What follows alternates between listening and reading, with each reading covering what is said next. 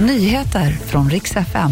Kvinnor överfallna i Malmö igår kväll. Man har gripits och snart kan man betala för att få den blå bocken på Instagram.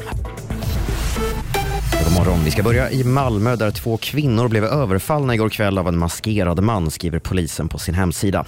En kvinna i 40-årsåldern och en i 18-årsåldern blev utsatta vid olika cykelbanor. I båda fallen kunde de ta sig från platsen och larma polisen och ingen av dem fick några allvarliga skador.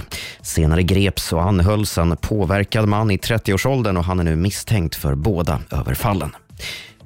I Brasilien har minst 36 personer dött i översvämningar och jordskred efter ett kraftigt oväder, det rapporterar AP.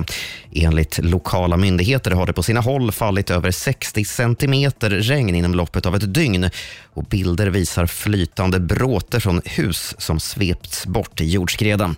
Dödssiffran befaras stiga och nu har man satt in militär för att hjälpa till med räddningsarbetet. Och sist ska jag berätta att man snart kommer kunna betala för den blå bocken bredvid sitt namn på Instagram.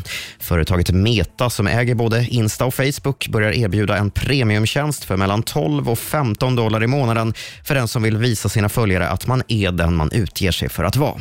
Och för pengarna ska det också bli lättare att komma i kontakt med företaget för att få support. Abonnemanget rullas ut i Australien och Nya Zeeland först, men ska sen komma till fler länder enligt vdn Mark Zuckerberg. Och det var de senaste nyheterna. Jag heter Robin Kalmegård.